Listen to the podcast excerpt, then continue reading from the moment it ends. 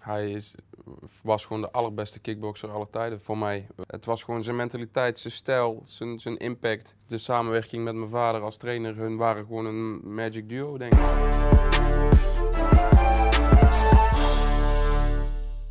We zijn weer terug in je leven met een nieuwe aflevering van Vechtersbazen op deze maandag. En onze gasten die we aan tafel hebben zijn misschien wel de beroemdste vader en zoon in de hele martial arts wereld. Eh, samen goed eh, voor bijna vier decennia aan kampioenen vanuit het uh, Brabantse Breda. En dan gaan we van nu Jamal Ben Sadiq, Marat Gregorian, om een paar bekenden te noemen, tot misschien wel de beste kickboxer aller tijden, Ramon Dekkers. En dan heb ik het natuurlijk over vader en zoon Hemmers. Welkom allebei. We gaan straks uitgebreid met jullie over praten. Over alles wat er gebeurt in de coronatijd. Over waar jij mee bezig bent. Uh, over Ramon Dekkers. En, nou ja, en nou, genoeg te bespreken. En zoals altijd, mijn vaste partner in crime. Mijn steun en toeverlaat was zou ik zijn zonder haar. Marloes Koenen rechtstreeks uit het vliegtuig vanuit Milaan zo ongeveer. Ja. Waar je uh, anderhalve week opgesloten hebt gezeten. Vier coronatesten, dus ik ben definitief negatief. Ja. maar um, nee, we hebben drie mooie evenementen gehad. Um, Ilias Boulaïd en Robin zouden allebei vechten, uh, maar door omstandigheden is, zijn die nu verplaatst. Robin was positief getest, maar blijkt uiteindelijk weer negatief te zijn. Dus die krijgt waarschijnlijk ergens in november een partij. Ilias staat natuurlijk uh, in Parijs. En Denise, mijn god, hé, wat een knockout. Ja. Ik weet, hebben jullie het gezien, Ja, de ik heb knockout het van gezien. Denise? Ja, Dat ik is heb niet het normaal. Ik wel. Ja. En? Ja, ik vond het top. En dat meisje heeft vijf rondes tegen de kampioen gevochten of zoiets, geloof ik, las Ja. ik. Nou, het was, de- de- Dat in ik, de buurt van de coach. Nee man, ze was Nee. zo klaar inderdaad. Dus, eh, doei. Goed. Ik echt, vind ja. Denise sowieso Ja. wel een eh, mooie stijl hebben en goed vechten altijd. Maar even om even aan te geven hoe extreem goed dit is wat Ja. ze heeft gedaan. Hè. Het, was, het is echt een zware tegenstander. Die heeft tegen Ilimale McFarland gewoon vijf keer vijf gevochten. Het is een meisje die op de grond echt heel erg goed is. En ze, ze, ze doet alsof het niks is. Dus Ja. het is echt een prestatie van formaat van Denise. Goed, blij dat je weer hier bent, dat je uit het hotel bent. Oh god, weer normaal eten. Lekker hier aan eh, de tafel van vechtersbasis kunt praten met deze twee eh, kanonnen. Eh eh, eventjes dat hele vader en zoon gebeuren. Want jij bent ooit, geloof ik, 1984 begonnen met Hemmers Gym. Ja. Eh, op een gegeven moment het stokje overgedragen aan Nick. En dat is ook alweer, nou wat, tien jaar geleden bijna? Elf denk ik, zoiets. Ja. Ja. Ja. Je, je, bent, je zei net nog, ik ben nog geen 35, dus ik heb dat hele begin nog niet meegemaakt. 2011, 2012 denk ik zoiets.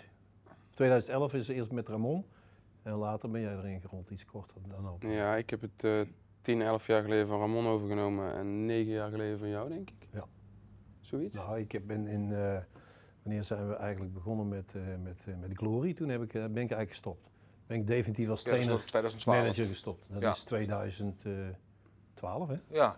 ja, dus was je eigenlijk, eh, jij, eh, nou, je vroege twintige jaren, Ja. was je bij de hoofdcoach eh, van ja, een grote dat gym. was wel even een stap inderdaad. Ja, Ja. Dat was heel moeilijk. Ik, eh, ja, ik nam het eigenlijk over van eh, hè, voor mij de beste trainer van de wereld en de allerbeste vechter van de wereld. Die zeiden van ja oké, hè, neem jij het maar over. En toen kwam ik als jong manneke. Als je dan zo'n zaal binnenliep, zo'n dojo binnenliep, was je ook gewoon nerveus? Van oké, nu de moet ik eerste het keer gaan doen. wel. Maar ik heb wel geleerd dat ik ben wie ik ben. En ik wist ook wel dat ik, dat ik wel capaciteit had natuurlijk. Maar dat was wel heel moeilijk om met zulke jongens ehm, om zo een zaal binnen te stappen. Maar ja, ik had mijn credits ook wel verdiend in de trainingen. Wat, wat maakte dat je dacht, fuck it, ik ga het gewoon doen, ik kan dit? Ja, dat wist ik gewoon. Ik, eh, ik kon altijd met iedereen meedraaien, meesparren. Ik, eh, mijn techniek is goed. Dus ik wist wel, eh dat systeem van lesgeven, dat had ik ook. Dat heb ik ook wel in mij zitten. Dus i- ik zag het gewoon als een hele mooie uitdaging. En ik hou daarvan nogmaals. Ik hou van uitdagingen. En het ging goed, het is goed gegaan. Wat, wat heb je in die elf jaar over jezelf geleerd? Dat ik minder impulsief moet zijn. Eh, omdat ik natuurlijk jong was en ehm, iedereen zei van ja, hij is in de Gouden Wieg geboren natuurlijk. Hij is de zoon van Cor en de broer van Ramon. Ja, dat zal wel weer. Hij krijgt alles en eh, dat zal wel snel kapot gaan. Maar ja, we zijn nu elf jaar verder en ik heb al meerdere wereldkampioenen gemaakt. Huidige en ehm, oude. Dus voor mij, mijn wijze les was gewoon niks. Soms spring niet gelijk op iets. Laat het een beetje, hè, denk erover na, relativeer een beetje en eh, bewijs gewoon dat het anders kan. ja. Cor, hoe vind je dat hij het doet? Nou, ik, ik ben, en eh, hij zegt wel eens tegen zijn moeder van mijn vader is nooit trots op mij. Ik ben natuurlijk wel trots op hem, heel trots op hem, of wat hij doet. En zeker wat hij zelf heeft gecreëerd. Hè. Want inderdaad, jongens als Dinis, maar een Ben Sadik en een Marat Gregorian, die nu toch wel tot de absolute top van de wereld horen. Dat is echt zijn ding. Dat, daar zit voor mij eh, geen eh, echte arbeid in. Dat is, dat is echt dingen en jongens die hij ontwikkeld heeft. Dus daar ben ik heel trots op. Wat dat betreft zet hij de traditie hier heel erg goed voort. Natuurlijk heb ik altijd mijn zogenaamde positieve kritiek, die hij als alleen Je gaat maar nooit weg hoor, dit hoor. Hey, Zo. en, en het, is, het is ook best wel moeilijk voor hem. Kijk, ik, heb, eh, ik loop wel eens die gym binnen natuurlijk, want ik had dan ook nog een klein kantoortje in Breda. We, we hadden een kantoor in Hilversum. En dan loop ik wel eens binnen en, en, en die jongens vinden het leuk als ik binnenkom. En ik zie altijd wel dingen en ik heb mijn opmerkingen. En dat vindt hij meestal achteraf Ja, wel maar- leuk. Maar op dat moment heeft hij zoiets van, Dat ja, is toch verschrikkelijk. Dan komt hij een keer binnen één keer in de maand. Ja, dit kan iets beter, dit kan iets beter. Dan zeg ik, pa, kom op man, hey, ik ben nou allemaal... Wat, wat heb ik hier aan, aan deze Ja. feedback? En dat blijft dan bij mij iets meer, bij hem blijft dat iets meer hangen alsof ik kritiek heb. Maar in, ik ben natuurlijk hartstikke trots. Maar ja, ik blijf dingen zien gewoon. En vooral als je als buitenstaander, eh, ik, ik ben dan niet in die les, ik geef niet die les. Maar dan kijk ik zo en dan denk ik, ja, dat kan even iets anders. Daar moet ik toch iets van zeggen. Weet je, want dat zit gewoon in mijn, in mijn, eh, in mijn hart gewoon. Ik gebruik zijn kritiek wel hoor, stiekem. Ja, maar dit- tuurlijk. Zeg dat niet. Ja. Ja, nu zeker. Maar ik probeer, me, ik probeer me bewust, de keren dat ik dan binnenwandel, er zo weinig mogelijk mee te bemoeien. Omdat ik zijn autoriteit eh, wil ik gewoon niet ondermijnen. Maar ik kan me wel voorstellen dat want jij draagt het over, want jij gaat dan bij Glory aan de slag als sportief directeur eh, slash matchmaker. Eh, dus dan komt er een, een ja, belangenverstrengeling komt om de hoek kijken. Dus dan neem je een stap terug, gaat Nick dat doen. Maar die belangenverstrengeling ligt dan nog steeds natuurlijk altijd een beetje op de loer. Eh, en ik kan me voorstellen dat dat voor jou af en toe lastig is geweest, maar voor jou ook. Ja, ehm, best wel heel erg eigenlijk. Ja. Het, is, het was voor mij, ehm, eigenlijk moest ik door een strengere keuring heen met mijn atleten dan iemand anders. Terwijl dat heel vaak eh, andersom werd gezegd van ja, hij, natuurlijk staat er een jongen van zijn zoon op, want eh, dat is zijn zoon. Maar jij wil niet weten wat ik allemaal moest doen om er een jongen in te krijgen. En als hij één keer verloor, dan was het gewoon... eh, Ja. Was het bewust score? Het ligt voor de hand dat die opmerkingen komen. Dus ik was daar heel keen op. Ja. Dus zijn jongens moesten echt wel presteren. Als ik ze al eh, eh, binnen het team overleg had gehad van oké, dat is een goede jongen, laten we die, laten we die nemen binnen het Gl- Glory-concept. Dan moest hij ook echt wel presteren. En als hij één of twee keer het niet goed deed, dan voelde ik zoiets van ja, weet je, eh, dan, dan gaat hij er maar weer uit. En dat was dus eh, voor hem best wel moeilijk, ja. Dus ik was eigenlijk meer kritisch, terwijl hij van de andere kant natuurlijk al heel snel eh, het commentaar kreeg van ja, het zal wel weer, want zijn vader is directeur sport. Dus dat, dat was best wel moeilijk. Terwijl ik, eigenlijk werkte het een beetje tegen hem. En bij andere organisaties ook nog. Want daar had hij ook een soort blokkade, omdat hij natuurlijk de zoon van de directeur van eh, Glory was. Dus hij werd ook met andere jongens niet zo snel in een andere organisatie opgenomen. Moest maar er Dus echt doorheen eh, Buiten de Ja. rugzak van eh, de zoon van Co Hemmers en de broer van Ramon Dekkers kreeg hij dit Ja. ook mee. Dus ik ben dubbel trots dat hij zich toch in die wereld opwerkt. En ik heb altijd tegen hem gezegd, en niet alleen tegen hem, weet je, je kan nog zoveel mensen of organisaties tegen je hebben. Als je gewoon alles in elkaar slaat, om het zo maar heel simpel en platvloers te zeggen, dan kom je vanzelf boven Dat drijven. ben ik maar gaan doen. Ja. En zo werkt het gewoon. ja nee, maar ja, kijk, als je het even terugkijkt, de kampioenen ook van Glory bijvoorbeeld en eh, de huidige. Als je kijkt uit vroeger de Golden Glory stal, eh, je hebt een Saki, je hebt een Sam Schild, je hebt een Robin van Roosmalen, een Nicky Holske. Komen allemaal uit Alistair, maar die was geen kampioen bij Glory. Maar ik bedoel, en dan heb je nu een Jamal, een Marat, een Harut, een Ariel Machado. Ja, sorry, ik denk dat het niet de minste namen zijn die erin stonden vanuit ons. Dus ik denk dat de kritiek die mensen gaven nergens op slaat. Nee. Want als er eentje tussen zat die slecht was, dan, ja, dan mogen ze dat zeggen. Maar die zitten er ook niet meer in. Nou, dat heb ik ook altijd wel gezegd. Ik zeg, kijk, als je naar de historie Bijna kijkt... alle kampioenen zijn uiteindelijk of vanuit jou gekomen. Vanuit het oude Golden Ja, als je naar de historie kijkt, en dan heb je altijd als hoge bomen vang je veel wind. We hebben ook altijd, eh, als ik terugga naar de begintijd, eh, hebben we ook altijd kampioenen gemaakt. Als ik kom met Ramon Dekkers, eh, Luc Verheij in die tijd, die Kamman en Peter Smit, eh, dat soort gevechten. En dan krijg je die Golden Glory periode. zijn allemaal kampioenen uitgekomen. Tuurlijk heb je dat. En dat zijn ook de namen waarmee we begonnen zijn. Tuurlijk hadden we de competitie, je had een Badder en je had een Remy Bojanski en een Peter Aarts. Maar de grote stal, toen Glory begon, dat kwam eigenlijk uit het Golden Glory Circus. Ja, eh, wat kan ik er dan aan doen? Ik heb altijd de, de beste vechters eh gemaakt. Je maar, wat minder goed zeggen. moeten Ja. zijn. Ja, dat is Ja, dan, eh, sorry. ja. Waar lag het dan aan dat je zoveel kampioenen leverde? Ah, Je mag gewoon eh, ongegeneerd zelf eh, analyse Ik doen. mag heel zelf mezelf op mijn schouders kloppen. Ja. Nou, ik denk gewoon dat ik, eh, wat ik denk wat ik altijd gedaan heb, is, ik heb heel veel tijd geïnvesteerd in een atleet. Weet je, ik vind het heel belangrijk dat je met een sporter zo'n band hebt, dat hij voor jou wil presteren en ik voor hem wil presteren. En ook die vertrouwenssituatie, weet je. Ze moeten echt in mijn geloven ook, als ik als coach daar ben. Eh, ik, ik noem het altijd maar een videospel. Er moest zich ook niemand bij mij, eh, met mij bemoeien in die hoek. Laat mij gewoon mijn ding gaan. Ik zit zo in die partij. als ik iets zie en ik, en ik reageer, ik heb er wel eens meer eh, gezegd, dan is het puur even die, die, die, die, dat horen van. Maar je moet onmiddellijk reageren. Als je dat vertrouwen in elkaar hebt en ik heb een goed inzicht in, in zo'n gevecht, dan kunnen we met, met, met, elkaar heel veel bereiken. Snap je? Als ik zeg, je moet nu dit doen en je hoeft daar niet meer over te twijfelen, je hebt zo'n vertrouwen in mij, dan, eh, en andersom, ja, dan kan je best wel heel Maar ik denk, ik denk dat wel meer trainers verband hebben. Dus er moet nog een soort van X-factor zijn. Welke is het dan bij jou? Eh, nou, ik denk ook wel dat ik, eh, dat ik gewoon een eh, goede analyse heb eh, van, eh, van een gevecht en een analyse van een tegenstander. Daar heb ik me altijd wel in verdiept. Heeft je wiskunde achtergrond daar nog wat mee te maken? Het is Gewoon- sowieso het logisch denken, dat denk ik wel. Maar die heb ik niet, hè? Nou, jij hebt het gewoon met de paplepel meegekregen, weet je. En ik denk, en ik, ik vind ook dat jij een goede coach bent. Ik heb nu natuurlijk, in de, in de tijd dat ik aan de ring heb gezeten, maar niet eh, eh, als coach, heb ik natuurlijk heel veel mensen, eh, heel veel verschillende coaches gezien. En ik heb ook gezien waar heel veel manco, waar nog heel veel te winnen is. In mijn opvatting. En- viel je dan op?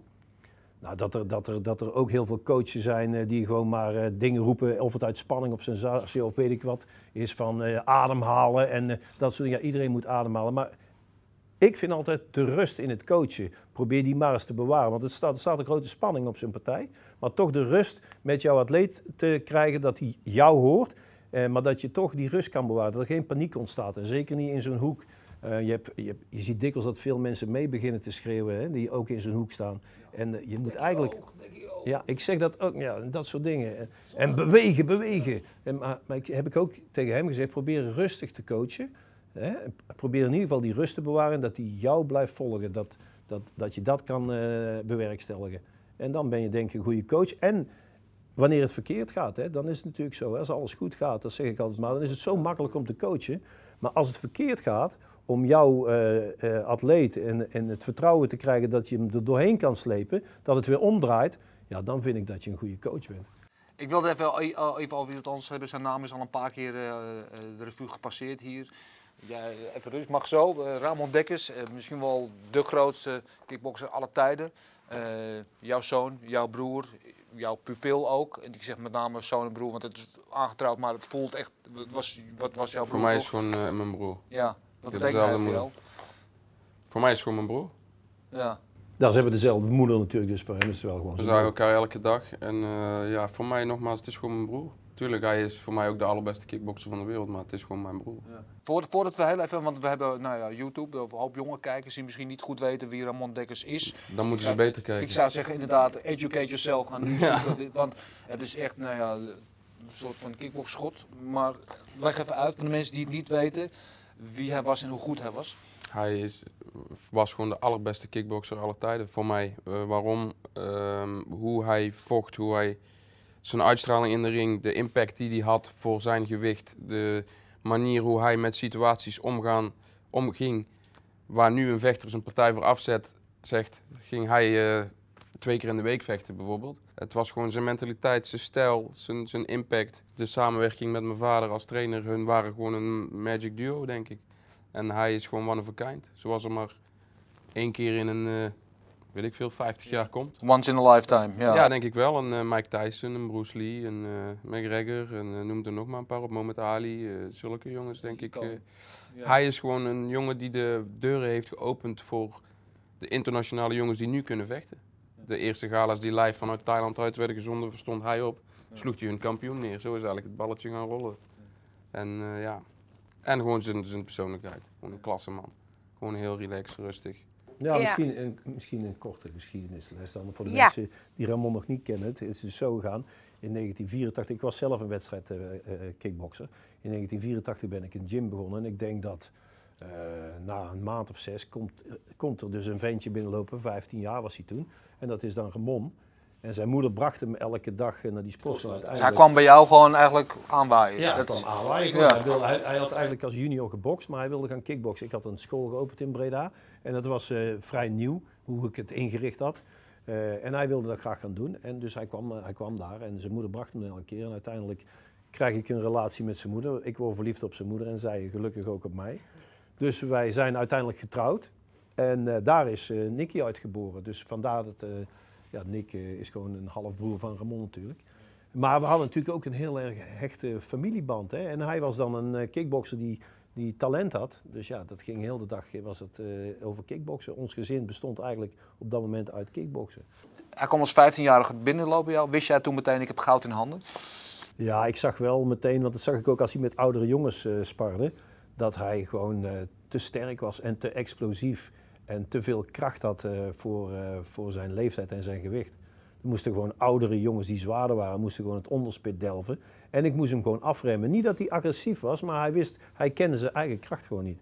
En dat zei ik ook altijd als hij moest vechten. Later besefte hij dat natuurlijk wel. Ik zeg, mensen kunnen nog zo jou bestuderen of naar jou kijken en zien wat er allemaal gebeurt. Tot het moment dat ze die klap voor de hartstikke krijgen, om het zo maar te zeggen. Of die trap krijgen, dan pas voel je dat effect. En ik heb ook later, want ik ben met een documentaire bezig nu, uh, over Ramon. Uh, heb ik ook veel tegenstanders geïnterviewd en die zeiden dat ook. Die zeiden gewoon van, ja god, als je die impact voelt, dat is gewoon abnormaal. En er waren gewoon mensen, ik heb Thaise vechters geïnterviewd, die, die uh, bijvoorbeeld een, uh, een, bijnaam James Bond was dat, die vocht voor het Rajadammer stadion. Eén keer hebben ze hem vanuit Lumpini uitgeleend. Ik heb die jongen geïnterviewd en die zegt van ja, ik stond tegen Ramon Dekkers. Ik was de kampioen van het Rajadammer zeg maar. En ik stond tegen hem in de ring en ik zag al die kampioenen van Lumpini neergaan, Koban, ik zag dat. En ik stond daar en ik denk, what the fuck, ik moet tegen Ramon Dekkers, wat gaat er nu gebeuren? En die jongen gaat dan ook in de derde of vierde ronde gaat hij neer. En hij vertelt dat mooi van mijn familie zat daar. En ik zeg, nou, dat was wel heel erg vervelend voor je. Hij zegt, nou, het was vervelend.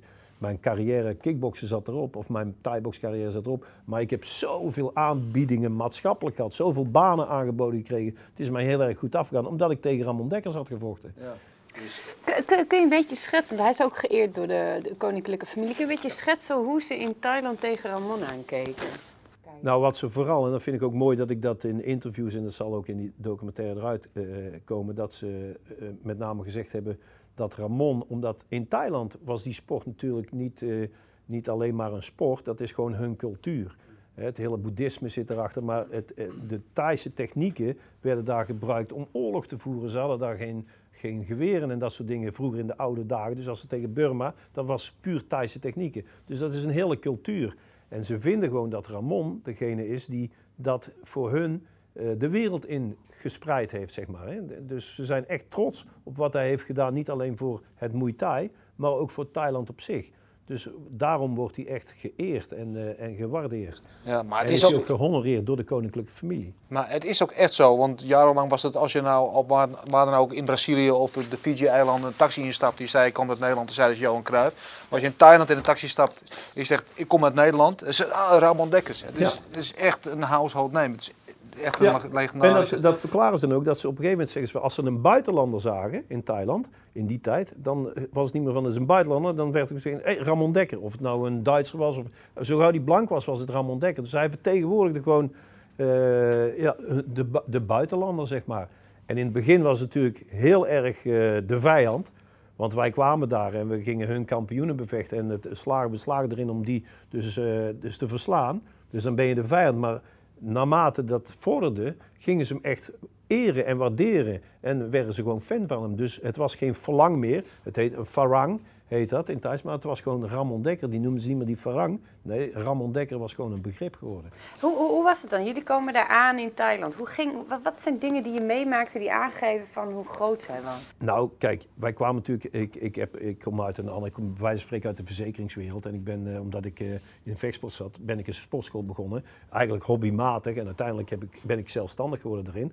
Maar voor ons was het toch een beetje een hobby waar je wat beter in ging uh, uh, presteren. En dan kom je in een land terecht waar je in een cultuur terechtkomt waar dat heel erg belangrijk is. Dus dat is helemaal raar natuurlijk. Uh, al die media erop, nu is dat allemaal heel normaal. Maar als er 55 miljoen mensen, want zoveel mensen waren er dan die live keken... en alles ging zeg maar aan de kant als Ramon moest vechten, live taxis die gingen stoppen, mensen gingen in cafés of in barretjes zitten kijken. Want het land lag stil. Het land lag bij wijze van spreken stil. En je kwam dan aan daar en wij hadden geen paspoortcontrole, die werden gewoon ingenomen. En dan, wij konden doorlopen, stond daar MP te wachten met camerateams. En dan werden wij gewoon in limousines weggebracht. En uh, was je elke avond op, uh, op het journaal, ik noem maar wat. Maar dat was je in die tijd niet gewend. Ik praat over uh, 1989. Hè. Nu is het allemaal ontwikkeld, maar dat was natuurlijk heel erg bijzonder. Later hebben we dat in Japan gezien met K1, maar dat, dat was ja. Wat deed het met jullie?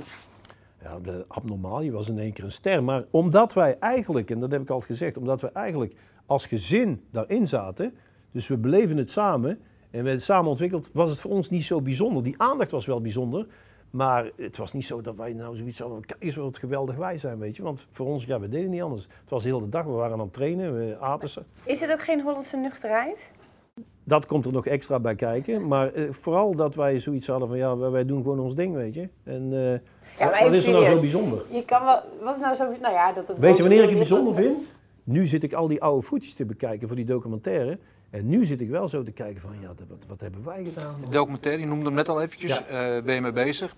We hebben een, eh, een primeur, heus primeur hier. We hebben ja, een, ik heb een, een jullie een trailer. korte trailer heb ik, eh, heb ik bij. En eh, die is nog nergens vertoond. Omdat eh, die documentaire, ik heb nu meer tijd om eraan te werken. Dus ik verwacht dat die eh, binnen nu en zes maanden dat daar eh, echt iets eh, wezenlijks van in beeld gaat komen. En ik ben nog even bezig met wie dat gaat uitzenden. Maar ik heb dan wel een trailer. En die is nog niet online geweest. Dus Nou, die hebben jullie willen we, dan gaan we zo over de docu nu even praten. Dan gaan we nu eerst even samen naar de trailer kijken. Want de Oh, heuse leuk. primeur hier bij Vechtersbazen komt hij aan, de Ramon Dex trailer.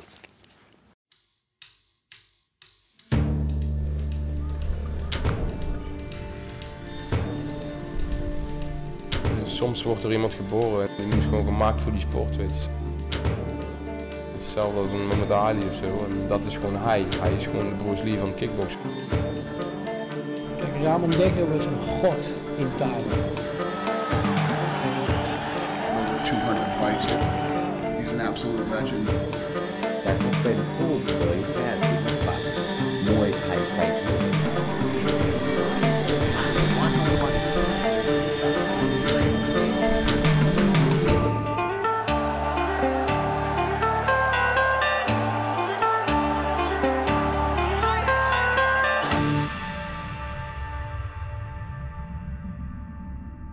Is een, een, een, kort fragment van wat we gaan zien, maar ik wil nu al gewoon het hele ding nu meteen zien eigenlijk, want ik ben helemaal uh, amped daardoor. Wat gaan we, ja, je hebt al een beetje verteld, maar wat gaan we zien in die docu? Nou, we gaan, eh, we gaan eh, natuurlijk het avontuur zien wat we sportief hebben doorgelopen. Maar we gaan ook, omdat we natuurlijk een gezin zijn, we lopen daar ook wel doorheen. Dus we, we zien ook wie Ramon als mens was en wij als, als gezin. Eh, dat, dat komt aan bod. En ik eh, laat ook een stuk zien over Thailand, dat het daar dus een cultuur is. Dus je ziet wel iets van eh, de, de boeddhistische achtergrond. Ik ben, dat heb ik dus allemaal wel zelf, hebben we dat bezocht en gefilmd. Dus dat wil ik laten zien. En het is even de vraag, kijk voor mij persoonlijk heb je de periodes van het avontuur van Ramon sportief gezien. Zeg maar vanaf het moment dat hij bij mij de sportschool binnenkomt lopen. Dus dat zie ik. Ik heb hele oude beelden. Zijn eerste partijen, die heb ik allemaal laten digitaliseren. Dus dat is best wel heel mooi materiaal. Wauw. Eh, en dan eigenlijk tot het moment dat hij doorbreekt in Thailand. Dat is 1990. Dus zeg maar 84 komt hij bij mij de sportschool binnen. Dan heb je zes jaar tot aan 1990. Krijg je hier de Edal, waar de, dat satellietevenement komt.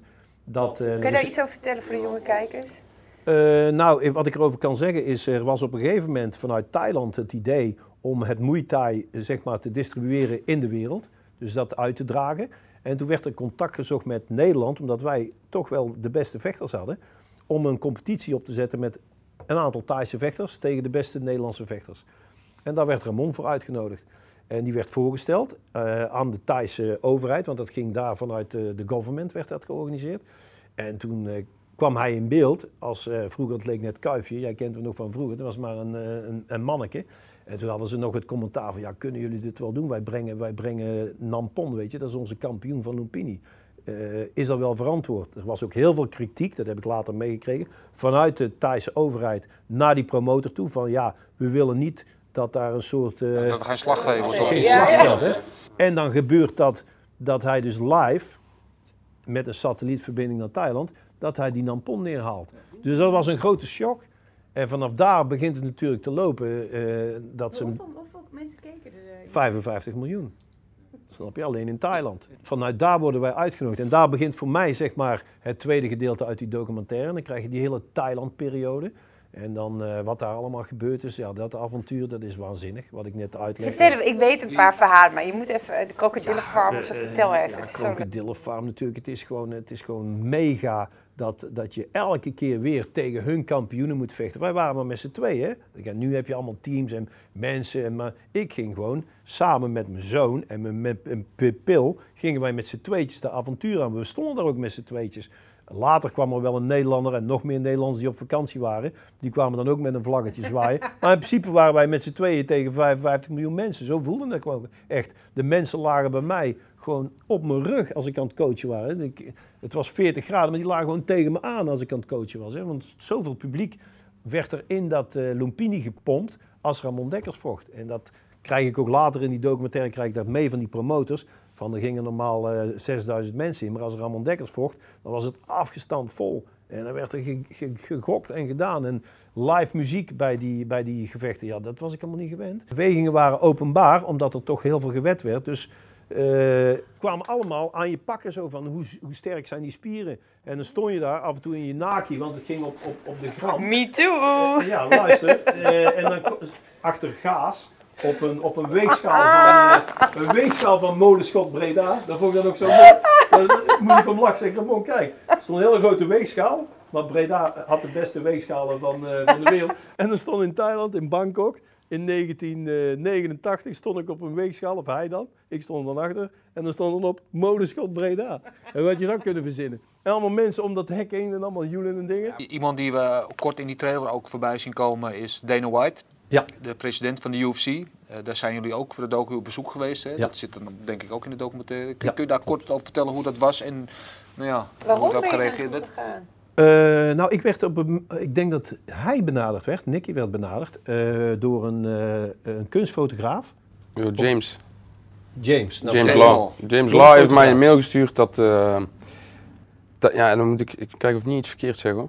Maar in elk geval iemand van de UFC contact met ons zocht omdat ze die kamer iets met Ramon wilden doen. Dus ik was natuurlijk heel enthousiast, dus ben ik naar jou toe gegaan. En toen hadden ze die kamer al gemaakt geloof ik. Dus toen ben ik daarop in gaan haken en toen op een gegeven moment kreeg ik het contact van eh Dana, zijn first assistant. Dus daar heb ik toen contact mee gezocht en gezegd van nou, hé, wij horen dat jullie die kamer hebben. Van, Wat voor kamer is dat hier? een, een, een conferentiekamer, dus een vergaderzaal. Ehm, ze hebben er daar geloof ik acht of zo. Met prominente mensen uit de vechtsport. Dus mensen die echt iets hebben betekend voor de vechtsport. Dus daar heb je het over een Bruce Lee, een Mike Tyson, Ramon, eh Mohamed Ali. Nou, dan hebben Conor McGregor, Ronda Rousey en nog één of twee volgens mij. Maar echt gewoon de mensen die de sport naar een ander level hebben gebracht. Dus toen eh, hebben wij dus contact opgezocht met hun en gezegd van wauw man, dat is wel mooi dat jullie dat hebben gedaan. We wilden die kamer zien. Dus toen zijn we daarheen gegaan. En, toen, En dat eh, is op het hoofdkwartier van... ja, op de was toen het nieuw, ze, hebben, ze gingen toen een nieuw Performance hoofdkwartier maken. Instituut, PI, UFC PI, de Performance Instituut, Oh, waar, de- waar de ja. atleten trainen en de medische keuringen kunnen doen en de speciale dingen. Dus daar zijn we toen naartoe gegaan. En ze wilden een specifiek kunstwerk voor, van Ramon maken. Dat hebben ze van iedereen. Hè. Ze hebben van Bruce Schilderijen Lee, zo, van ja. Mohamed Ali, ze hebben een speciaal kunstwerk. En ik had ooit met Ramon samen hadden we die poster laten ontwikkelen. Iedereen kent Oh inmiddels ja, die ze wilden die foto's hebben. Ze ja, wilden die het. foto's van me ja. hebben, maar die rechter had ik met Ramon. Maar Ramon was al overleden, dus ik heb dan die rechter... deze? Dat is die foto Ja, waar die ja, met die ja. elleboog op staat. Dus die heb ik, eh, heb ik eh, de origineel van opgestuurd. Ik heb gezegd, die mogen jullie gebruiken. Daar hebben ze een heel mooi kunstwerk van gemaakt. Dat hangt daar in die conference room. Dus er is daar de Ramon Dekkers conference room. Nou, en eh, zo is dat ontstaan. En toen eh, eh, hebben wij gezegd van, nou, we willen dat best eens een keer zien, weet je. En nou, toen zei Dana White, of zijn assistenten, zei van, ja, Dana nodigt jullie uit. Want ook andere families zijn hier geweest van Bruce Lee en van Muhammad Ali, die zijn daar geweest. Dus jullie zijn van harte welkom. Nou, we zijn er inmiddels twee keer geweest. Eén keer om dat te bezichtigen en de tweede keer naar aanleiding van die documentaire. En, en, en krijg je dan ook de, de reden te horen waarom hij is uitgekozen? Ja, dat was natuurlijk voor ons een vraag. Eh, de- Hij is zelf ook wel fan van hem. hè? hij is, Dana. ja, Ja, en Joe Dana Rogan is, eh, is, is fan van. eh, ja. Maar goed, ik heb dat gevraagd aan Dana White. En die zegt van ja, gewoon, wij hebben hier eh, een aantal conference rooms in, in ons nieuwe centrum. En dat zijn alleen mensen die gewoon eh, ja, zo'n impact op de sport hebben gemaakt. eh, zo belangrijk zijn geweest voor de vechtsport. En dat wilden wij gewoon eh, eh, Eren. eren. Dus we hebben hier de Mohamed Ali conference room, de Bruce Lee conference room, Ronda Rousey en de Ramon Dekkers conference room. Dat was de reden. Maar wat doet dat met jullie? Ja, wij waren er met z'n drieën, want Ramon, dat is een andere broer van Ramon, dat is Carlo, we waren er met z'n drietjes. Ja, zeker omdat ook dat helemaal als familie ontstaan is, ja, dan was dat heel eh, emotioneel ja, voor ons. Ja. Ja, ik En vind zeker vooral, omdat Ramon er eh, zelf niet bij kon zijn. Heel mooi dat in Nederland nooit niks gedaan is met Ramon. Dat je gewoon, we hebben bij de burgemeester van Breda moeten zitten of dat er alsjeblieft een muurschildering, nou wij waren dat niet, maar wij moesten er dan naartoe. Dat we zo'n probleem hadden over een muurschildering in Breda. Terwijl de grootste organisatie van heel de wereld in vechtsport eh, uit eigen initiatief een kamer maakt omdat dit zo'n grote legende is. Dan denk ik van ja, Dat is toch geweldig. Het is gewoon een hartstikke mooie erkenning en het beste wat er is, weet je. Dus het is, ge- ja, als je dat eigenlijk na, na elkaar, eh, wegle- naast elkaar weglegt, het is gewoon hartstikke mooi dat, dat, dat die erkenning dat hij die krijgt, want dat verdient hij ook. Ja. Als je aan kickboksen denkt, dan denk je aan Ramon Dekkers. Voor mij, ik ga nog één stapje terug, want je weet mijn eh, directe eh, invloed om kickboksen te gaan volgen was Rob Kaman. Dat is natuurlijk net een klein stukje daarvoor nog. Eh, eh, maar die zijn natuurlijk ook nauw met elkaar verweven. Die zijn natuurlijk veel met elkaar opgetrokken in Thailand. En, Allereerste wedstrijden sliepen wij bij Rob. Die had Ja. een trainingsringetje in de tuin. En hij had wat appartementen voor gasten.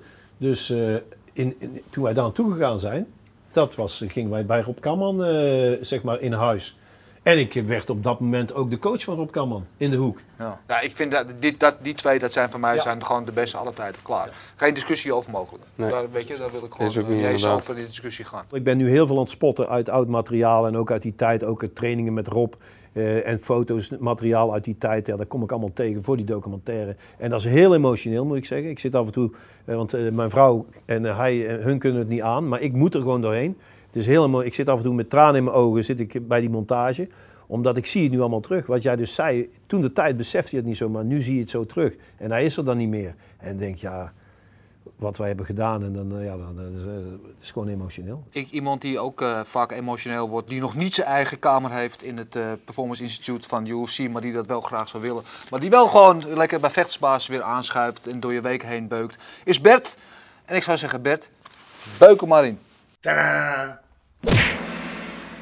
Lieve mensen, Betje Cox hier voor Vechtersbazen op Spy TV.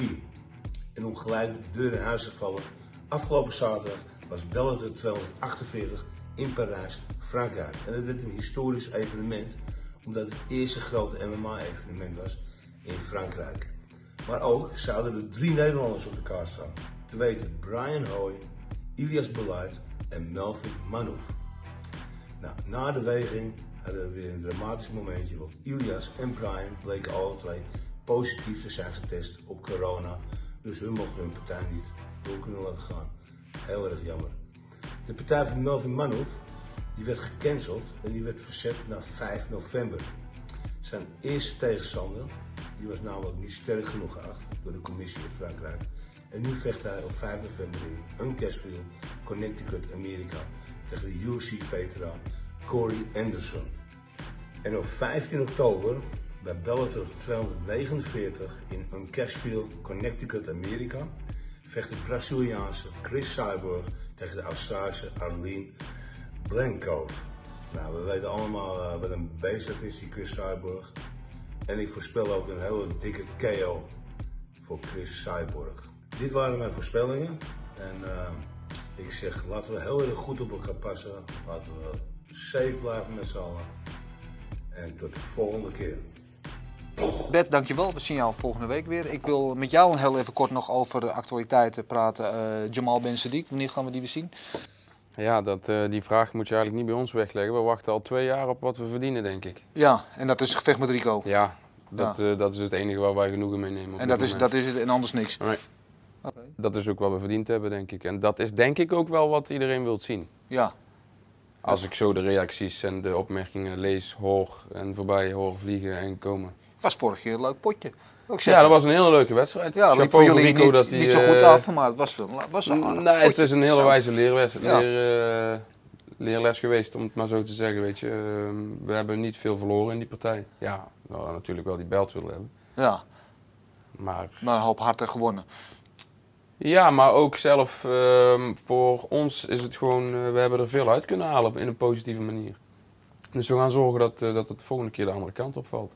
Nou goed, we wachten hopelijk misschien nog einde dit jaar. We, begin, we hopen dat het snel gaat Laten we gebeuren. het hopen inderdaad. Het is, eh, ja, ik weet het niet. Wij horen ook weinig. Oké. Eh, tweede puntje wat ik heel even nog kort wil aanstoppen, eh, stippen is eh, Marat Grigorian. Dat is natuurlijk eh, eigenlijk een hele bijzondere stap dat hij zijn Glory Belt eh, eh, Ja. loslaat om bij een andere organisatie te tekenen, bij One Championship. Klopt. Eh, wat is daar, kun je daar kort vertellen wat daar de reden achter zit? Ehm, ja, er zitten meerdere redenen achter. Ehm, ten eerste is Marat ook, ik noem dat een echte kampioen. Die wil tegen de beste staan. Dus hij zegt, ik heb, eh, hier, ik heb, hij, hij heeft de K1 gewonnen. Hij heeft het Kunlun toernooi gewonnen van 32 mensen. Hij heeft toen de Glory Belt gewonnen. Er is er nog één die we niet hebben. Dus dat is One. Championship, ja. Ehm, de onderhandelingen met Glory verliepen stroef. Ehm, ja, het is niet echt een bewuste keuze geweest van we gaan weg bij Glory. Nee. Dit kwam ons gewoon beter uit. En daar wordt hij ook iets meer gewaardeerd. Dat werd hij niet echt hier, naar onze mening.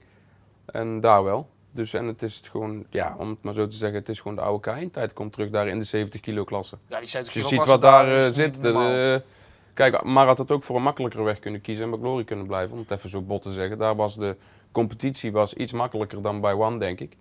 Maar hij heeft gewoon gezegd, luister, ik wil tegen de beste. Ik wil alles winnen wat er te winnen valt. En eh, dat, daar stond ik achter. Ik zeg, nou ja, dat is de juiste instelling. Ja, en dus dat hebben we nu dan Typhoon, maar ook uh, nou, ja, Jots Klaai zit er nog. Maar ja, daar wil ik Typhoon nog niet eh, bij noemen. Maar eh City Superbon, Chai, ja, Superbon, ja. eh, Petrosian. Ja. eh, heel sterke divisie. Het is gewoon een hele sterke divisie. En Marat is de enige die daar niet bij zat. Ook volgens die organisatie, die wilden hem echt graag hebben.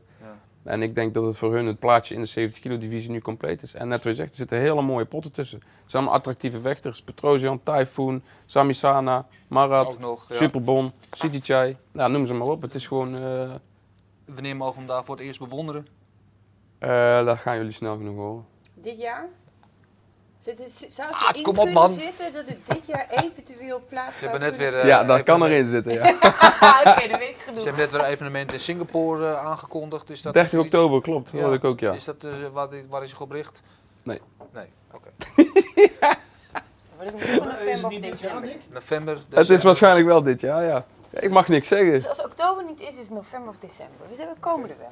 Nou, ik vind, wel, ik vind, het, ik vind het best wel eh, ik vind het knap, die uitdaging, dat mag het zo denken. Ja, en het is ook een grote stap, want hij is de huidige kampioen van Glory. Eh, dus ja, ehm, het was ook een, een stap die denk ik niet veel mensen verwachten. En vooral onze critici niet, die altijd zeggen dat wij in een belangenverstrengeling zitten. Die hadden natuurlijk nooit verwacht dat ik met zo'n prominente atleet naar een andere organisatie ga. Dus dat is voor mij ook wel een statement van, luister, ik zit aan geen ene organisatie vast. Ik heb nooit voor Glory gewerkt. Dat ga ik ook niet doen. En ik ben gewoon een trainer met een sportschool. Dus voor mij eh, opent het ook nieuwe deuren, denk ik. Maar ja, eh, ja het is gewoon zo gelopen. Eh, dan hebben we natuurlijk, eh, op het moment dat dit gepubliceerd wordt, afgelopen weekend Bellator in Parijs gehad. Wat natuurlijk een historische gebeurtenis is. Eerst grote MMA-evenement in Frankrijk. Eh, helaas maar één van de drie Nederlanders overgebleven. Want Melvin, zijn partij, is verplaatst. Die vecht nu uit mijn hoofd 2 november, in ieder geval begin november, tegen. Corey Anderson. Ja, ik hoorde het vanochtend. Eh, interessante wedstrijd, de oude UFC-veteraan natuurlijk. Eh, Brian Hoy is uitgevallen vanwege corona. En Ilus Beleid heeft daar natuurlijk gevochten. Gaan ervan uit dat het goed is gegaan. En dan komende week, 16 oktober, hebben we eh, Bellator, Chris Cyborg tegen Aline Blenko. En dan wil ik van jou wel eens even weten hoe jij die partij ziet. Ja, ik, ik hoop dat eh Cyborg dom gaat vechten. En dat is gewoon met haar gaat knokken. Want Arlene, ik, ik heb tegen beide gevochten. En eh, Cyborg, ik heb twee keer tegen Cyborg gevochten, 2009, 2013. 2009 sloeg ze op haar hart. 2013 was het wat minder, maar nog steeds zo hard.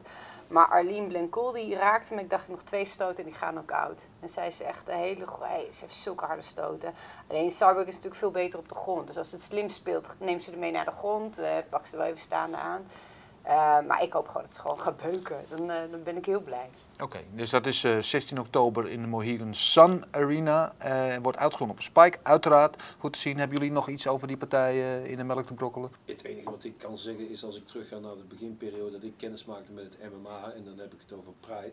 In die tijd was mijn commentaar van het is wel zo staand, is het kinderspel, het is wel zo belachelijk wat ik hier zie. En, en dan praat ik over die Pride-tijd in het begin. Hè. Ik denk dat dat in het MMA wel heel erg ontwikkeld is. Ja. En Het, staande, de- het level van het staande werk, dat het heel erg vooruit gegaan is. En dat vind ik wel mooi om te zien. Ja, maar als je naar Adesanya kijkt, ik bedoel, zien jullie ooit nog een keer een MMA? Dat was ooit het Golden Glory Team. Gaat zoiets herleven bij jullie? Dat is wel de bedoeling. Ja? Ja. Ik heb, eh, ik heb wel, eh, ik heb in de auto op weg hier naartoe heb ik tegen Nick gezegd, kijk, ik heb natuurlijk, eh, eh, vroeger heb ik dat eh, team Golden Glory eh, getraind en begeleid. Ik dat- Herring. Ja, Heath Herring, eh, we Jij. Zeka Muniz hadden we, we hadden Murat Chunkayev, Galit Ja. Arab, Ja, eh. Alistair, Valentijn, noem maar op. Garitonov. Eh, hadden we toch een stuk bij Martijn, maar de strategische training en de discipline en de drills die gebeurden gewoon in Breda. Had ik dat team getraind en ik had niet de, de, de techniek van de submissions, maar daar hadden we dan een Kazeka Muniz voor, of Martijn. En een worstelaar hadden we Murat of Heat Hering. Dus zo hadden we wel een team, wat ik dan trainde, wat uiteindelijk toch ook succesvol werd binnen Pride. Maar ik, ik, ik heb zeker tegen Nick gezegd, misschien moeten we er weer eens terug even naar die tijd. Want je vader kan wel eh, ongeveer zo'n training met jou samen opzetten, weet je. zijn. Nou jongen, we hebben nog eh, eh, materiaal en gesprekstof genoeg om nog vijf afleveringen van Vechtersbasis te vullen. En dat wil ik ook graag zeker nog een keertje verder met jullie doen. Eh, nu moet ik wel zeggen, we zijn aangekomen bij het allerbelangrijkste moment van deze hele show. Dit is namelijk het spel. Oh, En jij gaat meedoen en jij ook. oké. Volgens vaste kijkers weten hebben we inmiddels eh, in dit seizoen een nieuw spel geïntroduceerd. Wat we wekelijks met onze gasten gaan spelen. Het reactiespel. Eh, we hebben dat tot nu toe één keer gedaan met eh, Henk Kuipers en Louis Tavares. En eh, Henk Kuipers was verrassend vroeg daar iets sneller in. Dus dat is de, de score die voor jullie te verslaan is. Eh, en we hebben natuurlijk een leuk extra element. Want dat is nu vader tegen zoon. Dus jullie mogen elkaar ook nog eens een keer bewijzen wie het snelst is. Zie je achter je de muur? En eh, dat, ga, dat gaan we straks doen. Die gaan aan en dan moet je zo snel mogelijk moet je reageren. En je ziet natuurlijk zeker in het MMA zie ik dat heel veel dat eh, vechters daarmee trainen. Snelheid, eh, sessies zijn het. Ken je het? Werk je Ik ermee? ken het, maar ik werk er niet mee. Nou, dan gaan we het nu even Meestal testen. doen atleten dat met een conditietrainer of een, Ja, ja. of een andere. Ja, ik werk alleen in het kickboksen nu momenteel. Ja, nee, misschien dat jouw, jouw sporters met hun Ja, cardio trainen. sommigen wel. wel. En ik zie het natuurlijk wel eens bij Nicky Holske, die traint er veel mee. Ja, Maar zelf heb ik er weinig ervaring mee. nou, dat gaat misschien, veranderen. eh, Nou, zeg, dat is eerste- veranderen. Ja. We hebben de, de vader in zo'n competitie. Ik kan alleen maar nog maar vragen, Nick, ben je er klaar voor? Sowieso. En dan ga ik nu op start drukken en dan gaat hij zo aftellen. En dan zeg ik, veel succes. Mooi vanuit de bokshouding, volle focus. Terwijl eh, vader Cor een beetje intimiderend eh, Ja, van achter de plant Ik ben meekijkt. onder indruk, maar ik moet het nog ervaren hoe het werkt. Even kijken, probeer misschien de kunst eh, af te kijken. Oeh, gaat dat lekker, gaat heel joh. lekker. Ja, gaat als een speer. We kunnen misschien zelfs wel een nieuwe highscore gaan neerzetten vandaag. Voorlopig althans. 45! Kijk, ik zou zeggen, Jee.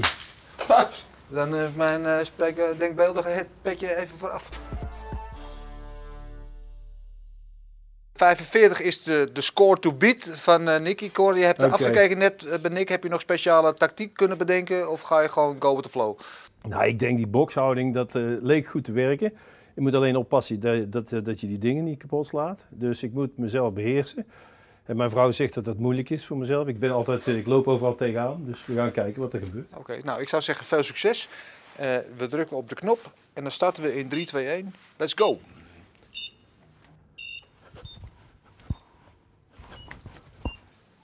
Kijk eens, aardig die eh, boxflow erin. Rechtsboven, pa.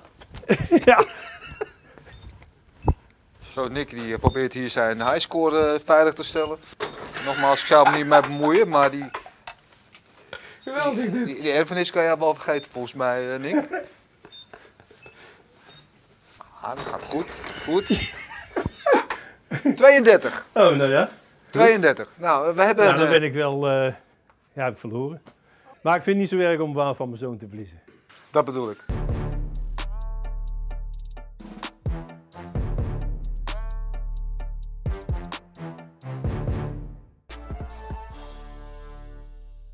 Heren, dank jullie wel. Eh, we hebben een, een nieuwe highscore, 45. Dus dat is vanaf nu eh, de score to beat. Dus ik, eh, we gaan kijken wie er dit seizoen nog aan gaat komen. Ik weet het niet. Het is wel een eh, behoorlijke lat die je hebt. Deze is dat zo? Nou, voorlopig wel in ieder geval. Ik ben de derde. Eh, in elk geval, dankjewel. Ik vond het echt geweldig. We wachten met smart op jouw documentaire over eh, Ramon Dekkers. Dat wordt echt fantastisch volgens mij. En, eh, wat ik al zei, we hebben nog genoeg om over door te praten. Dus eh, ik zou het graag nog een keertje doen. Eh Marloes, dankjewel ook weer. Jullie thuis ook bedankt weer voor het kijken. Je weet ons te vinden. En eh vond je het nou leuk? Ik zou zeggen, geef even een duimpje op onze YouTube pagina. Even een like op onze Instagram. En dan eh, kunnen we lekker doorgaan met vechtersbazen maken. En dan zijn we er de volgende keer weer. Oes. Oes. Oes. Hoes!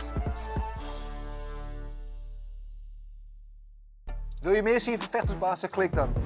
Of dat doen hè.